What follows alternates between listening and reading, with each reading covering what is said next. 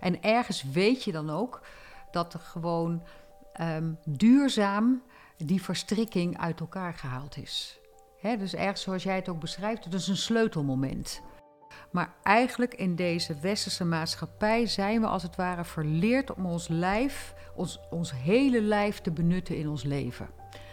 En daar hoef je niet per se burn-out gevoelig voor te zijn om dat te voelen. Maar je voelt ergens dat je zo meegesleurd wordt in de red race van gaan, gaan, gaan. Transformatie is niet los van de rest van de wereld een stap zetten. Maar transformeren is meebewegen in die natuurlijke stroom van de ontwikkeling.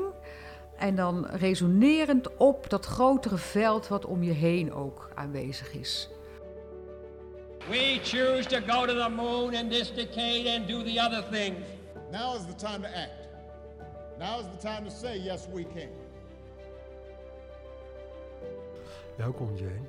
Fijn dat je er bent. Fijn om hier te zijn, Mark. Het is echt alsof ik je al jaren ken. En eh, het is misschien net drie maanden terug of zo. Ja, ja.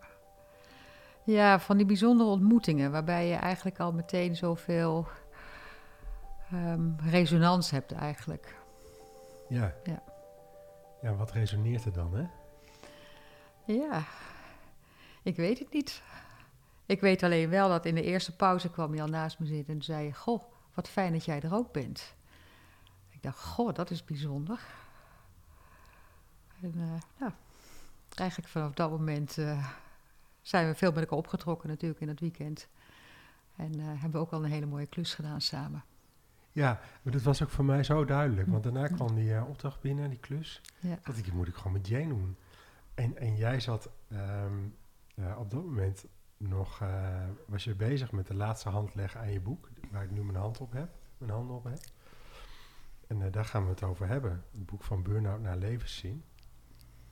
En voordat we dat gaan doen, wil ik gewoon eerst ja, vragen wie je bent. En ik ken je als Jane Koerts, maar hier staat voorop Jane Ellis Koerts. Dus ik ben ook wel heel benieuwd waar Alice dan voor staat. Ja. nou, we zitten hier in Apeldoorn. Mijn vader komt uit Apeldoorn.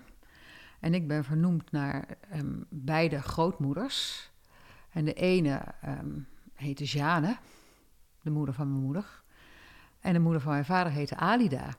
En ik ben geboren in Australië, dus mijn ouders dachten het is wel handig als dat een beetje Engelse namen worden. En zo werd het uh, Jane Alida, werd Jane Ellis. En ergens zo met het klimmen der jaren merk ik ook hoe, um, hoe compleet mijn hele voornaam ook voelt.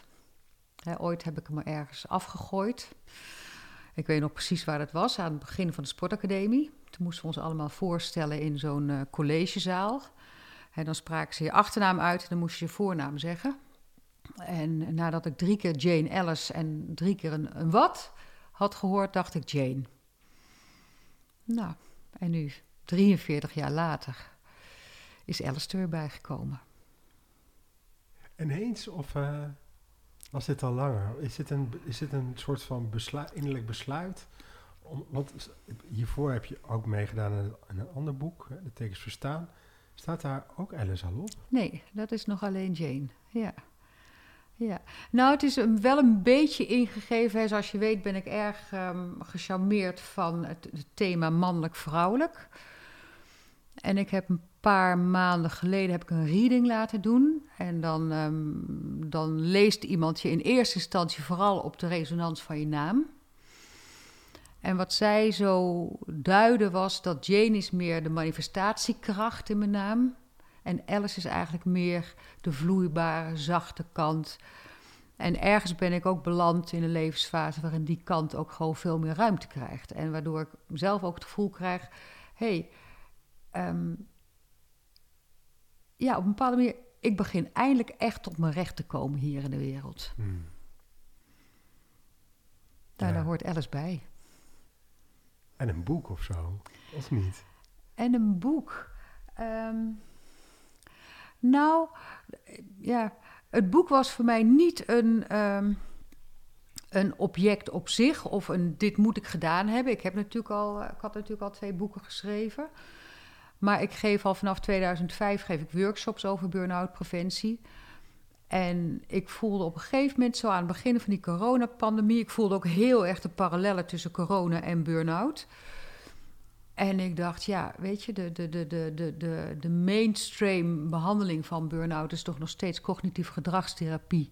Of een goede balans tussen inspanning en ontspanning. En op een gegeven moment dacht ik, ja, dit is echt te mager. Ik, uh, ik geef hier al um, ehm, 15 jaar workshops over. Uh, dit moet maar gewoon een keer op papier komen. Nou, en ik was al, een paar maanden daarvoor was ik begonnen, gewoon ergens zo van, nou ja, niet zo veel werk. En eigenlijk ook dat ge gevoel van, oh, dit moet op papier komen, maar dan neemt het werk het weer over of het andere werk. En dan. Uh, en ergens um, een maand na de, het start van corona dacht ik, en nou ga ik het doen. En het heeft me niet meer losgelaten. En ik kon ook heel erg zo, hè, de laatste weken had ik weer de ruimte om ook weer zo even stil te staan bij het proces. Kon ik ook zo voelen um, hoe het boek ook gewoon door mij heen is gekomen. Dus ik, ik, ik kijk ook met ontzettend veel plezier terug naar met name de laatste maanden van het schrijfproces, waarin de dingen gewoon ja, zo makkelijk, uh, ja, niet eens per se uh, door mij in, in, de, in de meer ego-achtige definitie van mij, maar eigenlijk voelde ik me veel meer een doorgeefluik. Um, dan dat het nou allemaal. Hè, natuurlijk is het ook niet allemaal in mij ontsproten. Hè. Ik, ik, ik, heb een paar hele mooie leermeesters gehad. En die hebben absoluut een bijdrage geleverd aan de vorming van deze gedachten en ideeën erover. Ja. ja. ik heb jou ook echt een prachtig en voldragen boek. Hmm. Uh, want het voelt ook echt als een kind wat voldragen is, uh, wat dan nu het licht ziet of zo. Ja. Ik heb met veel plezier gelezen. Uh, ik, ja, het is natuurlijk maandag kreeg ik het pas. Uh, dus ik heb het snel moeten lezen. Ik ga het nog een keertje lezen, want ik ben er mm. voor mijn gevoel te snel doorheen gegaan. Mm. Maar ik vond het een prachtig boek. Dankjewel. En, en, en, uh, en waarom ik het ook prachtig, uh, een prachtig boek vind, is als ik praat met mensen die een burn-out hebben gehad, dan blijft zo de angst erin zitten dat ze het weer opnieuw krijgen. En dat heeft me eigenlijk altijd gepuzzeld. Waar, waarom zit die angst daar dan nog? Want hij voelde ook altijd wel heel reëel. Dus net alsof de oorzaak, de dieperliggende oorzaak niet wordt aangepakt. En ik denk niet dat je moet praten over aanpakken, maar ja, hiermee laat je gewoon heel mooi uh, zien wat de diepere lagen zijn uh, waarom dit gebeurt. Ja. En ik denk dat iedereen een burn-out cliënt zou kunnen zijn, potentieel. Ja, nou, het is wel leuk wat je zegt. Want eigenlijk zei de uitgever zei zelf ook al van... goh, ik, ik, ik geloof niet dat ik erg snel burn-out zal raken... maar ik heb al ontzettend veel dingen um, uit dit boek opgepikt... die ik ook gewoon in mijn leven kan toepassen. Ja. En wat je zegt over de angst om nog een keer een burn-out te krijgen... dat heeft volgens mij alles te maken met het feit... als mensen een keer een burn-out hebben gekregen... dan weten ze ook dat ze zeg maar, hebben gesmeten met hun energie op een bepaalde manier... voor langere tijd... En hun remedie wordt dan een beetje op de waakvlam staan. Maar ik weet niet of je dat kent, maar ik ken het in ieder geval heel goed. Als ik op de waakvlam sta, dan word ik echt knettermoe. Dus, dus dan creëer je als het ware de volgende burn-out alweer... door juist niet je leven voluit te leven.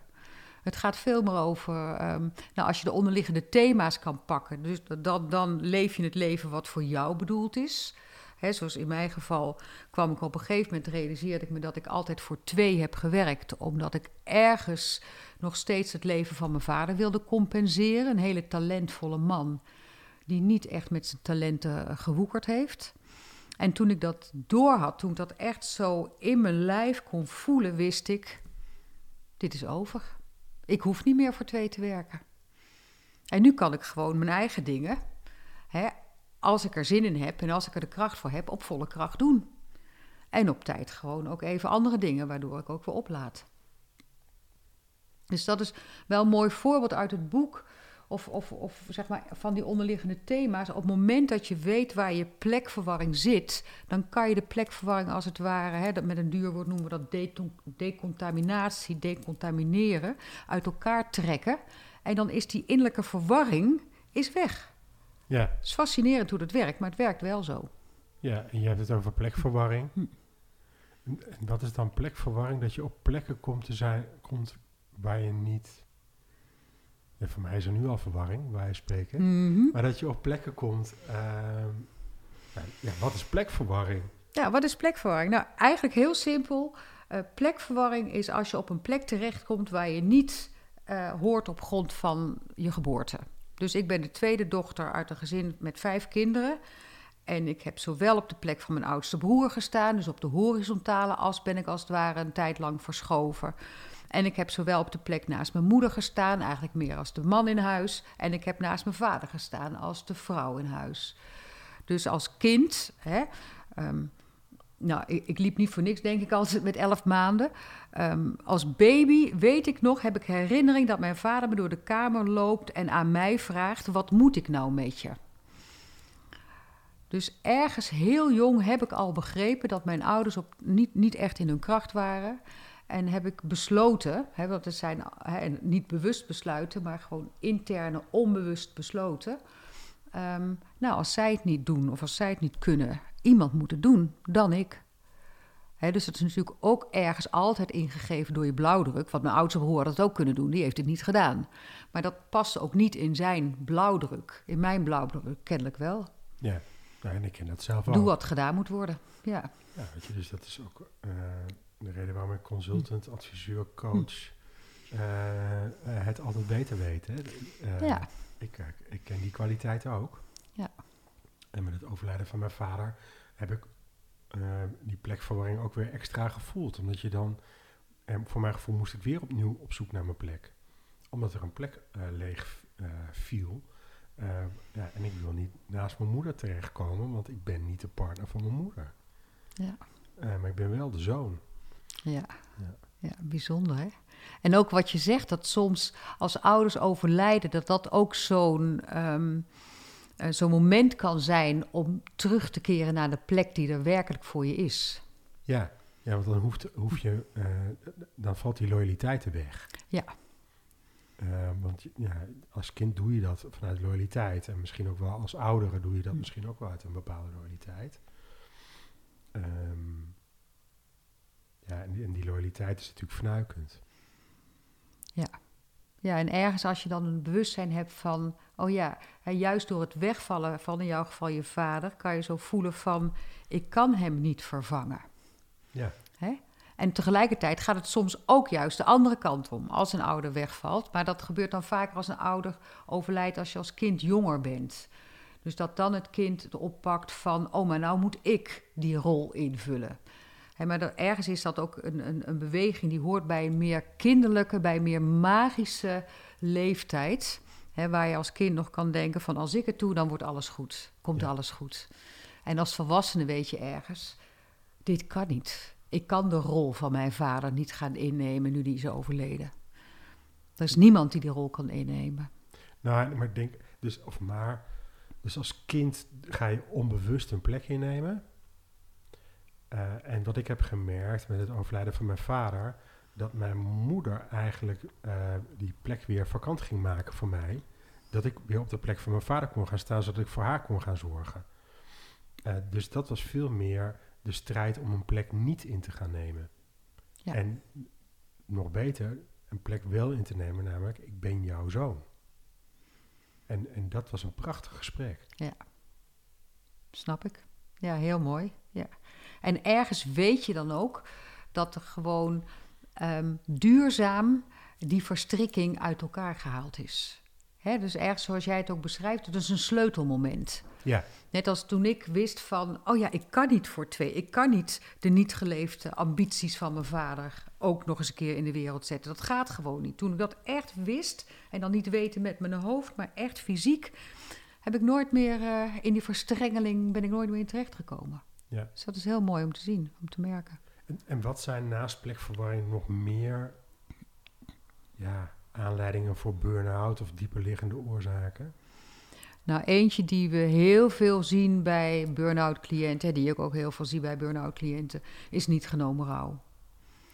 Dus ehm, mensen met een gevoeligheid voor burn-out, die hebben heel snel geleerd ehm, niet zeuren, maar doorgaan. Of eh, ja, je mag wel dragen, maar dan voor een ander. Dus niet je eigen pijn te veel in het, in het licht zetten of eh, je eigen ongemak. Of Dus ik weet nog wel van vroeger, het begon al, al heel snel als ik gevallen was. Nou, dan kreeg ik niet eens een pleister, maar dan liep ik naar mijn moeder huilen, huilen. En zei ze, ach schat, valt toch wel mee. Ga lekker weer naar buiten. En dan hop, ik schroopte mijn mouw op en ik ging weer. En het nadeel, want hoe, komt het nou dat dat uiteindelijk tot een burn-out leidt? Eigenlijk neem je dan op de levenscirkel voortdurend de shortcut. Je zou kunnen zeggen, als ik het een beetje in metaforen giet, je loopt voortdurend de lente en de zomer en na elke zomer schiet je weer de lente in. Dus je slaat systematisch de herfst en de winter over, wat juist recupereertijd is. En in het begin merk je dat helemaal niet zo, want je, je voelt je aangetrokken tot iets nieuws en je begint vol, voor je gevoel, vol energie weer met iets nieuws. Maar dat is eigenlijk ook een beetje fake energie. Dus, maar het duurt een tijd voordat je door hebt dat je dan iedere keer als je aan iets nieuws begint, met net een beetje minder energie begint. Maar dat hou je natuurlijk niet eindeloos vol. Dus op een dag word je wakker en denk je: Jezus, het is net alsof er een truc over me heen gegaan is. Nou, dat is het moment om echt gewoon alert te worden. Want dan heb je al ietsje te vaak die shortcut genomen. Hè, wat ik dan vaak, de vraag die ik dan vaak stel als ik zo'n cliënt eh, binnenkrijg, zeg: Goh, weet je, als je nou zo stilstaat bij je leven, wat zijn nou de momenten waar je onvoldoende stil hebt gestaan bij je verliezen? Waar heb je nou onvoldoende over gerouwd? Nou, en dat, zijn, dat, hè, dat, dat leidt vaak tot hele mooie gesprekken. Soms is er ook eerst wel even de angst. Hè, want want zo'n vraag kan ook heel makkelijk dat jonge kindstuk oproepen. En het kind, die heeft niet voor niks die shortcut gedaan. Want die dacht, ja, maar als ik nou echt in die rouw ga... Hè, allemaal onbewust nogmaals, uh, dat trek ik niet. Dat is te pijnlijk. Dat is te pijnlijk. Kom ik niet meer uit. Ja, kom ik niet meer uit. Hè? Dus dan, dan, dan leer ik zo met de cliënt om te spelen, om, om heen en weer uh, te bewegen tussen dat, dat kind met, met die pijnlijke ervaringen en de uh, gezonde volwassene. Hè? Want ik zeg, ja, linksom of rechtsom is het ook, heb ik ook een gezonde volwassene tegenover me. Dus wat er ook gebeurd is, hè, ik vind het soms ook een wonder dat het zo gaat. Maar er is kennelijk voldoende gezond volwassene in jouw systeem, waardoor je ondanks al je trauma's ook gezond volwassen bent geworden. Nou, en, en dus die levenscyclus dus ook Ja. kunnen lopen. Ja, Dat is wel heel wezenlijk. ja, ja. En, en je, dat zeg ik net even met die metafoor van de zomer en de lente, waarbij we de herfst en de winter Hm. overslaan. Ehm, en het is, het, voor mij komt dan het beeld ook wel omhoog dat we aan een spier trekken en dat we niet de, die de mogelijkheid geven om weer even terug eh, te veren. Ja. Maar dat we er continu de spanning op houden. Ja, en dan gaat het fout. Dan gaat het fout, ja. Dus ook organisaties, hè, die kunnen ook heel goed burn-out zijn. Hè. Bijvoorbeeld productiebedrijven die voortdurend maar, maar productie draaien en draaien en draaien. En nooit eens even de tijd nemen om al die machines even goed na te kijken. Dan komt een moment dat ze vastlopen. Hè, ik heb eens in zo'n zo'n landmachineorganisatie gewerkt. En het, eh, binnen een maand vielen alle grote machines uit. Gewoon veel te veel lente en zomer gedraaid. Ja, en Tijd voor de herfst en de winter. Ja, Ja. Nou ja, dus ik probeer, eh, ik, ben, ik probeer nu te leven volgens het boek van eh ja, vorig, de, Hm. eh, eh, wat is het, de leven conform De seizoenen, of zo, ja. hè? Maar ik- merk nu ook wel, hè, dus dat wordt dan ook, dus daarin schrijft hij ook wel dat je vanaf 4 december tot en met 4 eh, februari zoiets, dat is het moment om stil te zijn, dat is de winter, Hm. waarbij je steeds naar beneden gaat en 21 december is een van de belangrijkste Hm. triggers. Maar nu ik me daar bewust van ben, merk ik ook dat ik de laatste weken van december zo, zo eh, toch een beetje op mijn tenen aan het werken ben, omdat mijn energie nog vraagt om dingen af te maken, terwijl de natuur en mijn lijf eh, al, in de af, eh, of al in de stilstand staat is. Ja, ja. Heel herkenbaar. En, en, en daar straks kom je binnen dat je zegt, nou, je bent, ben je moe, eh, je bent een beetje grijzig of zo. Ontzettend fijn dat je dan ziet. Tegelijkertijd denk ik, kut, eh, het is zichtbaar. Hè? Maar, Ja, maar ik, zou dat, ik zou meer daarin wel willen leven, ook met die levenscyclus, om dat meer te doen. ja ik denk dat dat ons allemaal, hè, daar hoef je geen burn-out voor te hebben, allemaal vitaler maakt. Ja. En natuurlijk hoef je helemaal niet eh, de stekker eruit te trekken tussen 4 december en 21 februari. Maar ook zo'n levenscyclus maak je natuurlijk ook op een dag mee. Dus als je gewoon maar de tijd neemt elke dag om even af te schakelen. Dat je niet recht van een een, een, een, een of andere ehm, moordfilm je bed induikt. Hè, dan, dan heeft je systeem te weinig afschakeltijd gehad. ja. Je moest eens mijn dag weten, Jane. ja. Ik zou Ja, best nou- wel eens gewoon 48 uur met jou eh, willen doormaken. Want dan kan ik nou volgens mij zien eh, wat voor ritme. Hoe, hoe doe je- Want ik begin dus ochtends vroeg om 6 uur met twee emmers water over mijn kop te gooien. Want dan, tjing, dan ben ik aan. Dan kan ik Oké, gaan. oké. Nou, ik doe iets vergelijkbaars. Om zeven uur. Ik woon aan de Vinkenveense Plas, dus ik, eh, ik duik het water in. Dus vanochtend ook, over het krakende gras, ben ik even het water in, eh, ingegaan. En dan ben ik niet meteen chick aan, in de zin van ehm, dat ik in dat de zegt- do-mode sta. Ik vind het wel mooi dat je zegt chick aan. Chick aan. Check aan. Check maar aan, chick chick aan. ja. Dus ik sta niet in de do-modus, maar ik merk wel dat mijn vuurtje opgewarmd is. Dus vanochtend was ik me zo heel bewust dat mijn huid is dan nog koud van het water, maar van binnen ben ik al aan het gloeien. Nou, en dan neem ik, eh, dus dan kom ik om kwart over zeven ben ik uit het water en aangekleed. Neem ik een kopje thee, van half negen tot negen mediteren. Nou, en dan eh, begint mijn dag eh, zo'n beetje. Ja. Ja, en dan tot een uur of vijf, zes. En dan eh, schakel ik weer af. Ik, eigenlijk werk ik nauwelijks meer s'avonds. Gewoon een dood enkele keer. Dus nu met dat boek, ja, ik, het is zo rollercoaster deze week. Dus gisteravond heb ik wel boek in enveloppen lopen stoppen. Maar eigenlijk ben ik gewoon s'avonds een beetje rustig aan het lezen... en muziek aan het luisteren, op de bank, een beetje fikkie stoken. Ja, mooi leven. ik zie jou glimmen. Volgens mij ken je dit helemaal niet, in Nee. zo'n ritme.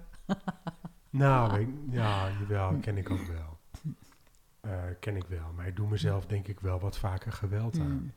Oh, omdat ik dan door moet. Ja, En ja. van wie of wat moet ik dan door? Hè? Dat is natuurlijk een hele mooie vraag Ja. die ik mezelf dan ook wel stel.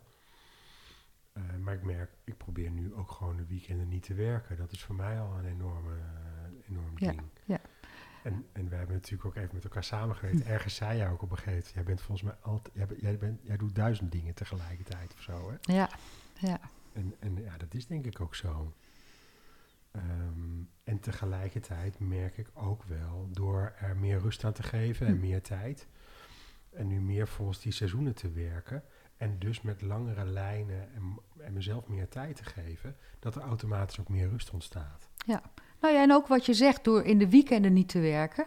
Eigenlijk zou je ook kunnen zeggen, dan, dan heb je de levenscirkel van de week bijvoorbeeld. Dus dan is de zaterdag en de zondag is voor jou eh, de herfst en de winter. Prima. Ja, dus als er maar ergens, en het hoeft echt niet altijd één op één volgens de fysieke seizoenen, maar als we ons maar bewust zijn van ehm, ja, de cycliciteit der dingen, eh, en dat we daarnaar te luisteren hebben, willen we ons vitaal blijven voelen. Dat is belangrijk. ja, Ja. ja. Nou, het is heel herkenbaar wat je, mooi wat je zegt, om meer in die, in die cycli te werken. En dat je zegt, oh, dat is, de dag heeft een cyclus en de week heeft een cyclus en noem maar op. Dat, dat blijft natuurlijk ook zo. Ja. Eh, maar ik kan natuurlijk op een gegeven moment ook wel een beetje op mijn mannen-energie gewoon zeggen, nou, nou moet het even gebeuren. Ja, ja, Eh, maar tegelijkertijd merk ik dan ook wel dat ik op een gegeven moment ook wel denk, nou, nou moet ik echt wel even rust nemen. Ja. Eh, dus, dus, nou, dat, Ja, eh, ik kan het grote verschil voelen als ik getraind heb. Hè. Dus vroeger had ik, als ik dan een trainingsdag had, eh, dan was ik op de dag zelf was ik echt op de top van mijn energie. En ik sleurde gewoon een hele groep op mijn energie lekker mee de dag door. En dan kwam ik s'avonds thuis en dan had ik als een doodvogeltje op de bank. En als ik nu een dag heb gehad, dus ik gun mensen ook even om aan te komen. Eh, ze mogen zelf kiezen of ze mee willen op de energie of niet. Dus er zit veel meer autonomie in mij en ook in de deelnemers, waardoor iedereen veel meer zijn eigen. Dus ik ben niet meer de motor van een hele groep. Ik ben de motor van mezelf. En dat maakt dat ik gewoon bijna altijd, als ik een, een dag heb eh, getraind workshop heb gegeven, dat ik s'avonds nog even of een lange wandeling maak of een, stukje, een potje ga tennissen of iets anders um, fysieks juist doe, om even ook gewoon af te schakelen. Ja, mooi. maar dat heb ik dan nog. Nou, nou is het een boek zeg maar, over burn-out. Eh, je zegt daar net ook al van ja, mijn uitgever heeft ook al hele andere dingen eruit gehaald. Dat heb ik ook. Ehm, dus, voor, dus voor mensen die. Ik, ik zit even te. Want ik, wil, ik vind eigenlijk gewoon dat iedereen het boek moet lezen. Daar kom ik eigenlijk op uit. Nou, dat zou heel fijn zijn. Maar waarom is dat? Waarom heb ik dat gevoel? Nou, omdat eigenlijk denk ik, Mark, um, zeg maar, ik, ik beschrijf niet alleen maar hoe je werkt met de onderliggende factoren. Dus dat niet genomen rouw en plekverwarring en passie in de schaduw. Misschien komen we daar nog zo op. Maar eigenlijk in deze westerse maatschappij zijn we als het ware verleerd om ons lijf, ons, ons hele lijf te benutten in ons leven. En daar hoef je niet per se burn-out gevoelig voor te zijn om dat te voelen. Maar je voelt ergens dat je zo meegesleurd wordt in de red race van gaan, gaan, gaan. En in die beweging trekt onze energie heel makkelijk naar boven, zodat er als het ware een split tussen ons hoofd en ons lijf ontstaat. En we zijn verleerd om de signalen van ons lijf werkelijk serieus te nemen. Echt te voelen van, oh ja, het kraakt hier een beetje. Of, hmm, dat is een stijve spier. Hmm. En dan gewoon daar eerst eens even zo in te voelen en dan te checken van, goh, wat zou het me te zeggen hebben? In plaats van uh, een kop koffie en, en door. Dus het, ons lijf als instrument is de afgelopen decennia ontzettend ondergesneeuwd geraakt door de, de overwaardering voor ons hoofd. waar ook de wil zit en het gaan. En, uh, dus, dus, maar je kan je voorstellen, ja, je hebt zo'n prachtig, heel mooi, groot lijf gekregen. En je benut eigenlijk maar, nou, wat zal het zijn? Je hoofd, 1 zesde? Nog niet eens misschien. Nou, dat is eigenlijk doodzonde. Dus ergens kan ik me voorstellen dat het boek ook een beetje heimwee roept naar... Goh, hoe zou het nou zijn als ik, me, als ik gewoon weer met mijn totaliteit door het leven zou gaan? Ja. En dat geldt denk ik voor heel veel westerse mensen. Ja, dus, dus aan het begin van de coronatijd hadden we het over huidhonger. Hè? Ja, ja. Mensen last hadden dat ze niet werden aangeraakt. Ja. Maar we krijgen nu een nieuw woord en dat heet lijfhonger. Of zo. Dus Ja. dat is hetgene, als ik jouw boek lees, Ja. eh, wat ik dan ervaar. Ja. Mijn lijf voelen. Ja. Dus en, en huidhonger gaat dan meer je lijf voelen door van buiten naar binnen contact te maken. Dus of dat iemand anders je aanraakt of dat jij jezelf aanraakt. Maar dat je in ieder geval je huid aangeraakt wordt. Dat is de ene aspect van je lijf bewonen en je lijf voelen. En het andere aspect van je lijf bewonen en je lijf voelen is van, meer van binnen naar buiten. Van, van hoe, hoe zit ik er eigenlijk vandaag bij? Maar als je maar doorgaat en doorgaat, hè, ons lijf, is, eh, het kinesthetisch kanaal van ons lijf, dat is het langsta, langzaamste zintuig. Dus daar moet je echt even voor gaan zitten, of even langzaam voor lopen, om te voelen wat je lijf je te vertellen heeft. Ja. ja, dat beschrijf je in je boek ook, hè, hoe je met je cliënten werkt. Dat je ze eigenlijk eerst laat aankomen in hun lijf. Ja. Door heel bewust een aantal oefeningen te doen. Dus, eh. En dan schrijf je ook van, nou, deze oefening kan je doen. En dan voordat je begint moet je eerst even de oefeningen hoofdstuk 7 doen, waarbij je aankomt in je lijf. Dat staat heel veel, Hm. eh, doe je dat. Ja, ja.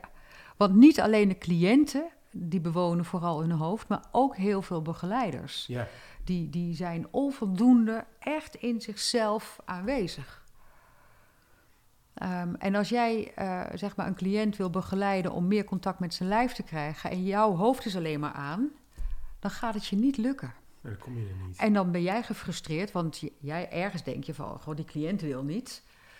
Maar die cliënt die voelt ergens van, jij bent er niet als begeleider. Dus dan, ja, dan hou je elkaar als het ware gevangen in een hoofd-hoofd ehm, dynamiek. Ja. Ja. Mooi. Ja. Nou, en ik heb je natuurlijk ook een paar keer nu gezien en ik heb het genoeg gehad dat ik met je heb mogen werken. Ehm, en, en wat ik zo leuk vind, is gewoon zo'n gepassioneerd ding. wat zo door die zaal heen loopt. Ja, dus dus eh, die twee dagen opstellingen die we deden. eh, dat je dan op een gegeven moment achter een vrouw gaat staan en dat je er bij de heupen en zegt: Kijk, hier, daar moet het vandaan komen. En voor jou is dat echt de normaalste zaak van de wereld. Eh, dat we bezig zijn met, met dat team. En dat daar dan ook zo'n gepassioneerd ding staat. Die zegt, ga, gewoon, dat gaan we zo doen. En, en, eh, en, en dat je mensen daar dan in meeneemt. Waar komt dat vandaan?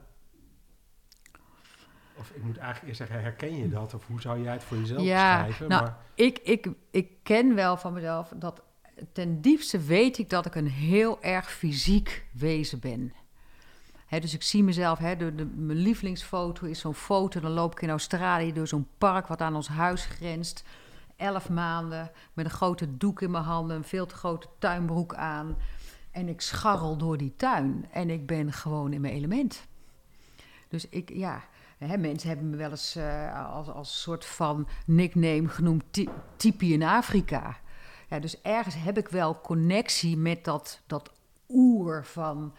eh, ja, goed connectie, connectie met moeder aarde. Dus ook goed connectie met de vrouwelijke energie. Natuurlijk ben ik het ook een groot deel van mijn leven ook kwijt geweest. Maar eigenlijk na mijn burn-out, dat is wel een grappig verhaal... toen ben ik eerst begonnen met, ehm, met lichaamswerk. En eh, nou, voor mijn burn-out werkte ik op de Universiteit van Amsterdam. Ik was wetenschapper, dus ik was ook eh, goed in mijn hoofd. En ik deed dat lichaamswerk en ik dacht, oh, dit is thuiskomen. Dus ergens kon ik zo de intuïtie van mijn buik weer zo voelen. En nou, eigenlijk vanaf de tweede keer dat ik zo, wa- waren allemaal avonden in de roos, er waren maar een uur, anderhalf uur. En op die tweede avond wist ik al, oh ja, maar dit moet ik gaan doen. Dus toen ben ik zo'n lijfwerkoefening gaan doen. Wat op een bepaalde manier was natuurlijk heerlijk om daar zo mee bezig te zijn. Maar ik kende het ook. Want ergens, hè, ergens werd iets wat heel dicht bij mij zit, wat, wat ik van heel jong af aan ken, werd opnieuw aangeraakt. Dat was echt een tijd een soort van ingekapseld geweest. En, ehm, en dat werd ik van- bevrijd. Weet je waar ik moet denken? Hm. Ehm, mensen in Australië kennen het woord ro- roots niet. Want, want, die- want die, die, die ja, mensen uit Australië komen uit Engeland. Dus ze zijn eigenlijk helemaal niet geworteld in Australië. En ik geloof echt wel dat je nu mensen tegenkomt die in Australië wonen, die echt zichzelf Australië voelen. Maar, maar ik kan me dus iets bij voorstellen dat zij dus veel beter zijn in het be- bewonen van hun lijf. Om, juist omdat ze niet zo geworteld zijn. En dan, en dan ben jij geboren in Hmm. Australië en dan heb je het zeg maar over dat lijf bewonen. Mhm. En dan denk ik, oh, dat vind ik dan interessant. Heb je daar dan niet iets van meegenomen of zo? Ja. Ja, ik weet niet of het per se dat is. Want ergens geloof ik ontzettend in ehm, eh, dat de plek waar je geboren wordt, gaat in je lijf zitten. En ik weet nog dat ik ehm, in 2005 ben ik eh, met mijn kinderen en mijn jongste broer teruggegaan naar Australië. Ik was al eens eerder, een aantal keer eerder geweest, maar mijn broer niet meer nadat we vertrokken waren naar Nederland. En we liepen zo op de Louisa Road, waar wij gewoond hebben. En ik had niet verteld wat we gingen doen. En hij loopt naast me en hij zegt: Hier ben ik geweest. En hij was twee toen we weggingen. Ook een hele cognitieve man. Maar ergens toen we daar liepen, wist zijn lijf: Ik ken deze plek. Dus volgens mij zijn wij mensen heel erg verbonden ehm, met de plek waar we geboren worden. Dus als ik terug ga naar Australië, dan voelt het ook alsof ik naar mijn moederland ga. En Nederland is meer mijn vaderland. Ja, dus daar liggen echt de roots. Ja, Maar als je in Australië, en dus als je in Australië omgaat met heel veel mensen die hier gewoon heel goed hun lijf bewonen, Ja. Eh, dan is dat hetgene wat je eh, daar misschien in mee hebt Ja. gekregen. Ja. Maar goed, dat is misschien wel heel erg Walt Disney Hm. gedacht. Dat weet ik natuurlijk ook niet. dat weet ik ook niet. Ja, ik ben ook een beetje een romanticus. eh. I know. Ehm, passie in de schaduw. Hmm. Ja. ja. Dus bij passie in de schaduw, hè, de- dus, de, dus daarmee probeer ik eigenlijk ook te zeggen, ergens kent iedereen wel zijn passie. Ook al zegt mensen, ik weet niet wat ik het liefste doe. Maar ergens is er wel zo'n... We hebben een soort van kompas dat ja zegt tegen de dingen die we leuk vinden... en nee zegt tegen de dingen die we niet leuk vinden. En voor de een is dat groots en meeslepend... en voor de ander is dat heel klein en verfijnd. Maar het is er allemaal. En we hollen er op de een of andere manier ook allemaal makkelijk bij vandaan. Als we zo in beslag genomen worden door, door allerlei dingen in het leven. En er zijn mensen, en, en met name die zijn gevoelig voor een burn-out, die ergens te jong mee hebben gekregen. Niet voor jou om je passie vol te leven. Dus dat kan komen bijvoorbeeld doordat je heel erg bent aangehaakt op het archetypische vrouwbeeld. Hè, wat toch ergens nog gaat. En de een heeft daar meer contact mee dan de ander. Maar wat ergens toch nog zo gaat over vrouwen zijn tweederangs wezens ten opzichte van mannen. Ja, vrouwen moeten achter het aanrecht staan. Met dank achter de, aan de kerkvaders. Ja. ja.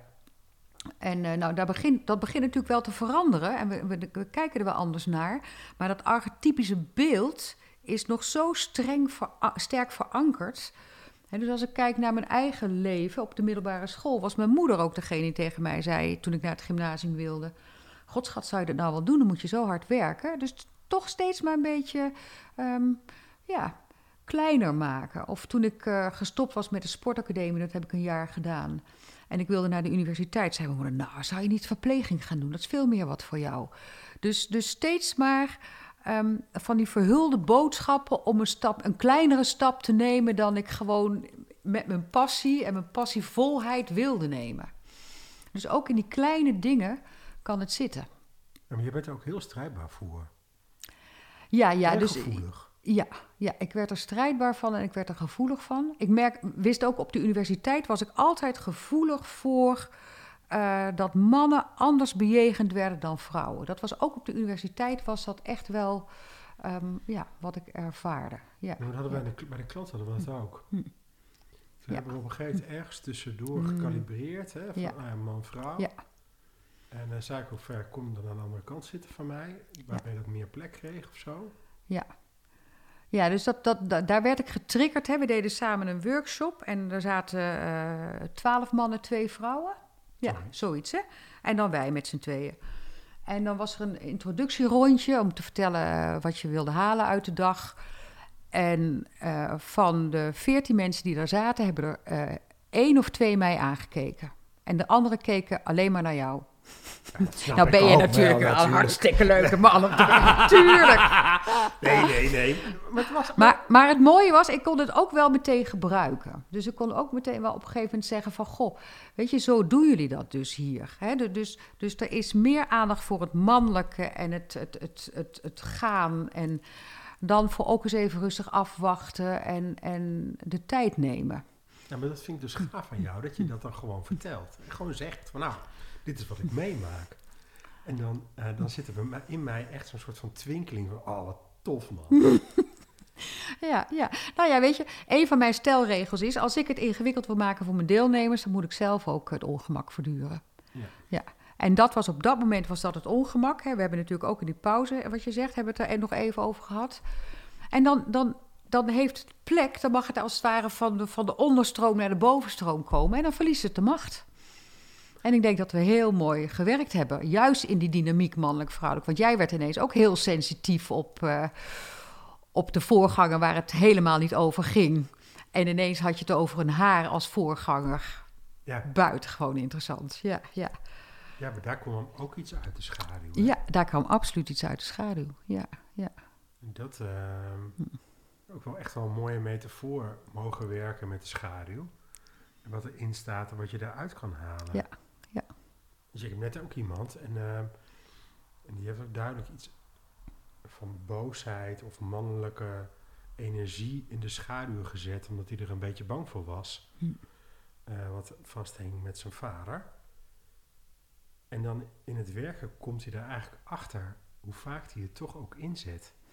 En hoe fijn het eigenlijk is om ook die boosheid af en toe wel in te zetten. ja. En als je jezelf permissie geeft voor die boosheid, dan komt hij er ook niet uit als een, eh, als een hoge drukpan boosheid, maar gewoon boosheid die adequaat is voor het moment. Ja, Hé, hey, je gaat over een grens heen bij mij nu. ja. Ja, ja. En is, is dat ook waar het over gaat? Over burn-out, over die schaduw? Want, want je hebt het over de passie in de schaduw, hè? ja. Dus dat je dus niet helemaal je passie, je potentieel leeft. Mhm. Nou ja, wat jij zegt, zo- zo- zoals boos, staat ook heel vaak in de schaduw. Ja, ik mag niet boos zijn. Ik mag niet boos zijn. Ja. Ja. Nou ja, wat heeft dat dan voor. eh, hè, ehm, ja, ik kan me heel goed voorstellen dat dat ook te maken heeft met. hé, hey, als, als deze emotie. Hè, boos is ook de emotie van het vuur. Ja, Dus als je boos niet mag zijn, dat het effect heeft op de mate waarin jij werkelijk je passie vol leeft. Hè, want, nou ja, ik heb ook een cliënt en die, die, die, die heeft heel veel contact met zijn passie en die mag ook niet boos zijn. Maar dan gaat hij, zeg maar, wat hij, eh, wat hij dus wil met zijn passie, gaat hij een soort van stiekem doen. Maar als je iets stiekem doet omdat je het zo fijn vindt, dan zet je toch ergens ook de demper erop.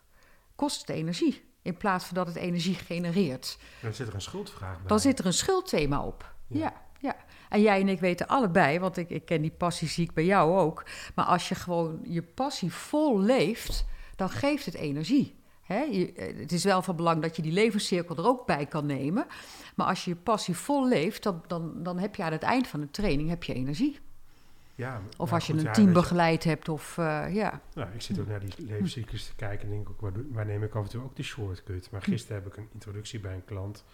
Er zijn er nog twee collega's van mij bij. En schrijf ik op eh, eh, passie voor ontwerpen bij Alvera en passie voor vliegen bij deze.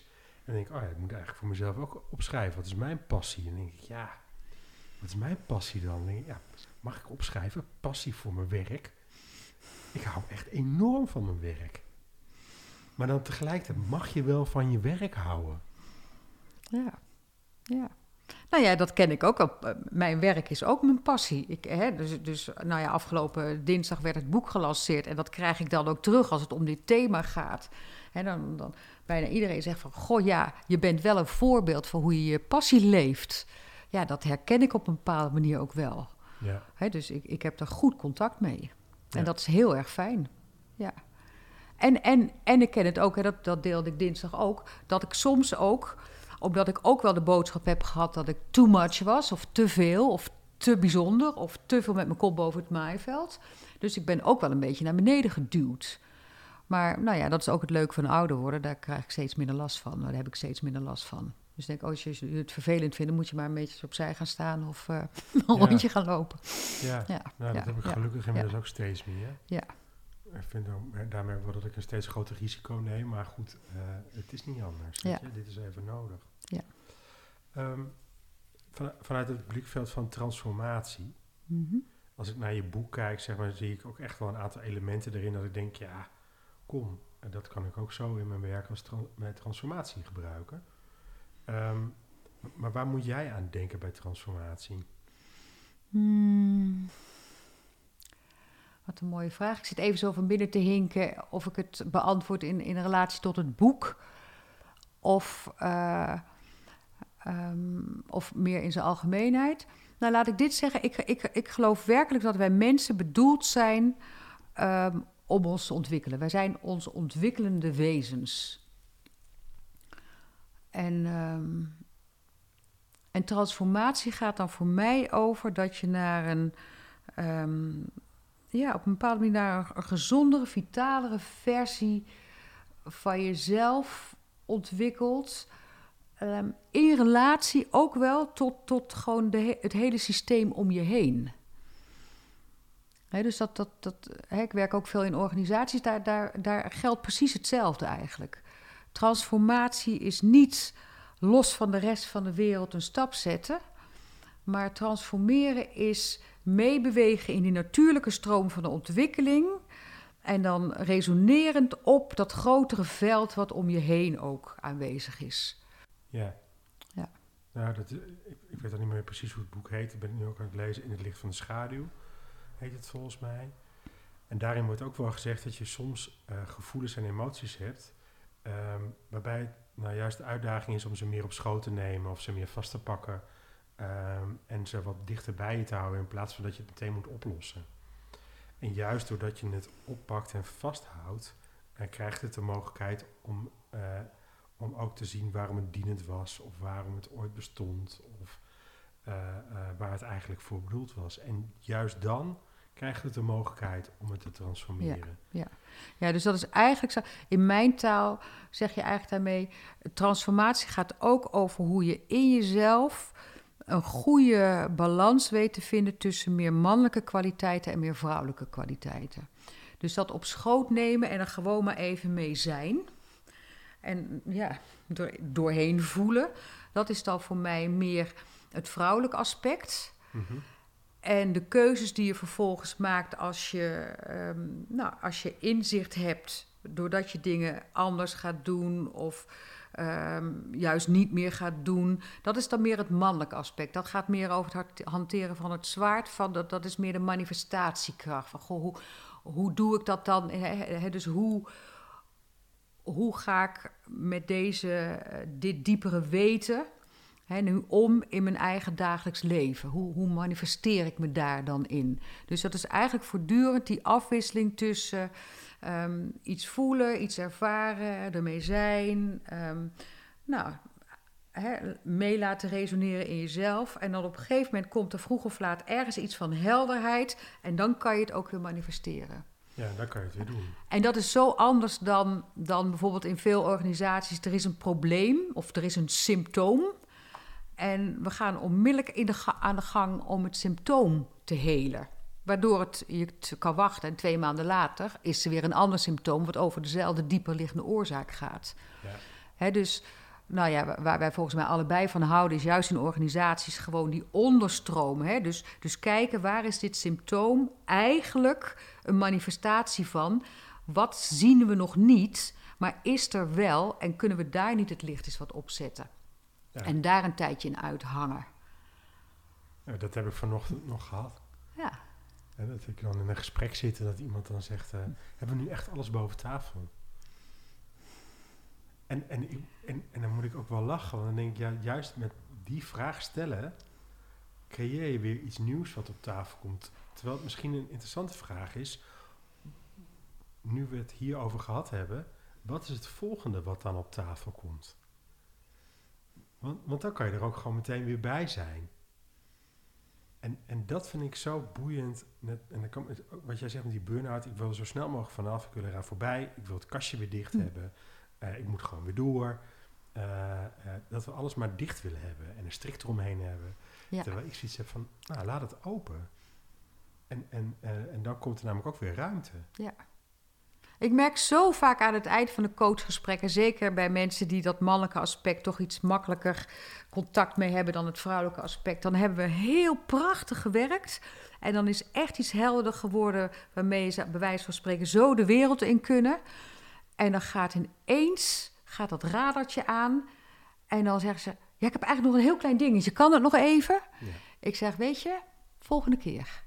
Ga eerst, la- laat eerst deze maar landen en voelen. En rij dadelijk terug en eerst dit. Ja. Wees vriendelijk voor jezelf. Waar moeten we het nog over hebben? Waar moeten we het nog over hebben? Hmm. Nou, dat, dat, dat, hè, wat, wat ik ook wel een, een, een missie van mij met het boek is, hè, daar gaat mijn laatste hoofdstuk natuurlijk ook over, dat we burn-out niet alleen maar zien als een individueel verschijnsel, dat het iets is van een individu. Burn-out is heel erg gekoppeld aan de westerse wereld, aan onze manier van hoe we werken, hoe we onze werkcontext inregelen, eh, hoe we omgaan met de aarde, hoe we vinden dat we tien keer per jaar met het vliegtuig op vakantie moeten. Dus eigenlijk alle thema's die, die, die spelen op, bij het individu of kunnen spelen bij het individu op het gebied van burn-out. Hè. Plekverwarring, niet genomen rouw en passie in de schaduw speelt ook eigenlijk mondiaal. Dus we hebben ons te groot gemaakt, waardoor we ook die, die aarde uitkleden. We, we kappen maar bomen zonder er iets voor terug te doen. En we, we hollen die aarde uit. Dus we maken ons eigenlijk veel te groot. In plaats van dat wij zorgzaam zijn voor de aarde, vinden we dat die aarde voor ons moet zorgen. We draaien de rollen als het ware om. En niet genomen rouw, nou ja, dat speelt natuurlijk in bijna alle organisaties waar ik kom om een traject te begeleiden, speelt niet genomen rouw. En ik vind het fascinerend om te zien als we dan een, een, een, een rouwritueel ontwerpen en er wordt stilgestaan bij wat mensen gaan missen, dan komt de ruimte aan de voorkant. En dat is echt, daar hoef ik echt geen weken voor in een organisatie te werken. Vaak is het een kwestie van een dag of een dagdeel. Vind ik echt fascinerend. Maar als we daar meer bewustzijn op hebben, dus als we iets willen veranderen in een organisatie, dat mensen dan de eerste kans krijgen om afscheid te nemen van dat wat niet meer terugkomt. Ja, het gaat dan meer over de rust inbrengen en meer dingen laten zijn en niet overal maar zo snel aan voorbij rollen. Ja, dat. Dus, hè, dus dat, dat is het, eh, het rouwaspect. En het andere is gewoon onze eigen menselijke maat terugnemen. Hè. Dus dat kunnen we zo mooi leren van, eh, van indianenstammen, van de Maasai, van de aboriginals. Hoe die gewoon hè, hun leven inrichten op grond van goed zijn voor de aarde. Daar kunnen we echt, echt veel, veel van leren. Ja. Nou, anders omgaan met vrouwen. Gewoon elkaar aanspreken als, als, je merkt dat vrouwen onheus bejegend worden. Er stond toevallig van de week weer zo'n prachtig stuk over in de krant. Het he- ik vind echt dat dat aandacht vraagt. Als je kijkt hoe vrouwelijke politici bejegend worden. Hoe ze, eh, dat, dat kennelijk er mensen zijn die vinden dat ze alles maar gewoon over de schutting kunnen gooien. Ja, dus dat, heeft ook, hè, dus dat is meer het aspect van als, als vrouwen gewoon echt gelijkwaardig behandeld worden als mannen. Ehm, ja. Wat, wat kan ik daarin doen als man? Dus wat kan ik als man daarin doen? Dat ruimte geven en misschien dat nog steeds, en ook nog steeds uit gelijk, gelijkwaardigheid. Je vrouw gelijkwaardig behandelen. Ja. Ehm, ehm, met je zoon in gesprek gaan. Ehm, met mannen en vrouwen in gesprek gaan.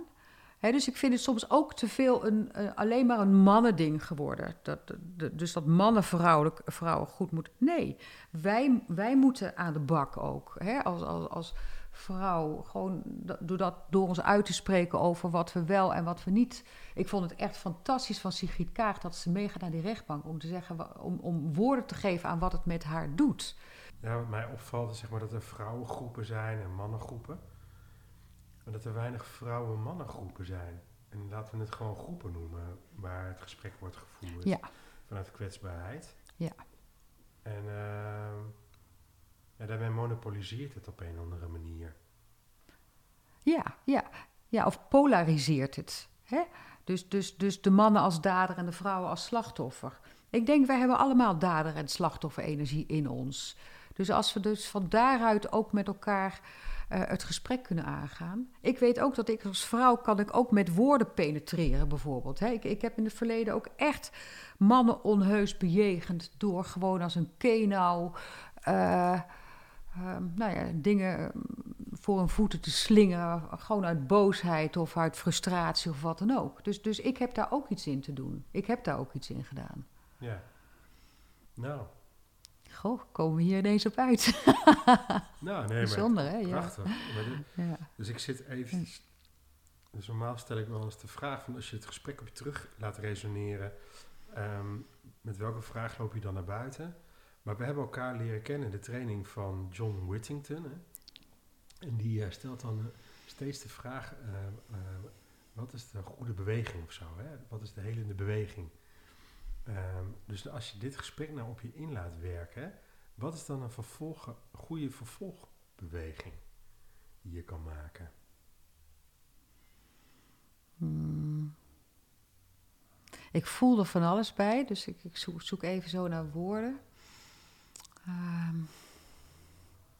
nou, dit gesprek waar we mee geëindigd zijn over eh, mannen en vrouwen en hoe kunnen we nou allemaal een bijdrage leveren aan, ehm, ja, aan, aan, aan integratie en, en gelijkheid. Ehm, ja, door ons uit te spreken, door eerlijk te zijn, door eh, ook de ingewikkelde dingen te bespreken. En als vrouw ook mijn eigen daderschap te nemen. Ja. Ja, en voor mij is een goede beweging eh, meer ehm, de innerlijke beweging die ik maak, stem geven en laten uiten. Eh, dus ook eh, dat ik voel dat er verdriet is. En dat ik, dat ik dat ook op tafel mag Hm. leggen. En tegelijkertijd, als ik dat vertel, krijg ik een enorme glimlach. Ik denk, oh ja, wat fijn. Dus voor mij is de goede beweging die ik uit dit gesprek haal, ehm, meer mensen meenemen in wat er nog meer in mij speelt. Ik ga je bedanken. Hmm. Dank je wel. Dank je wel voor deze mogelijkheid om zo met elkaar van gedachten te wisselen. Ja, was echt heerlijk. Ja, Dankjewel. dank jou. Zo zijn we weer aan het einde gekomen van een nieuwe podcast. Mocht je een vraag hebben naar aanleiding van de podcast of over organisatietransformatie in zijn algemeen, dan kan je mij een mail sturen op mark apenstaart overtransformaties.nl. Daarnaast kan je je op de website overtransformaties.nl inschrijven voor de podcast alert. Als er dan een nieuwe podcast is uitgebracht, krijg je hiervan een bericht. Nogmaals dank voor het luisteren en wellicht tot een volgende podcast.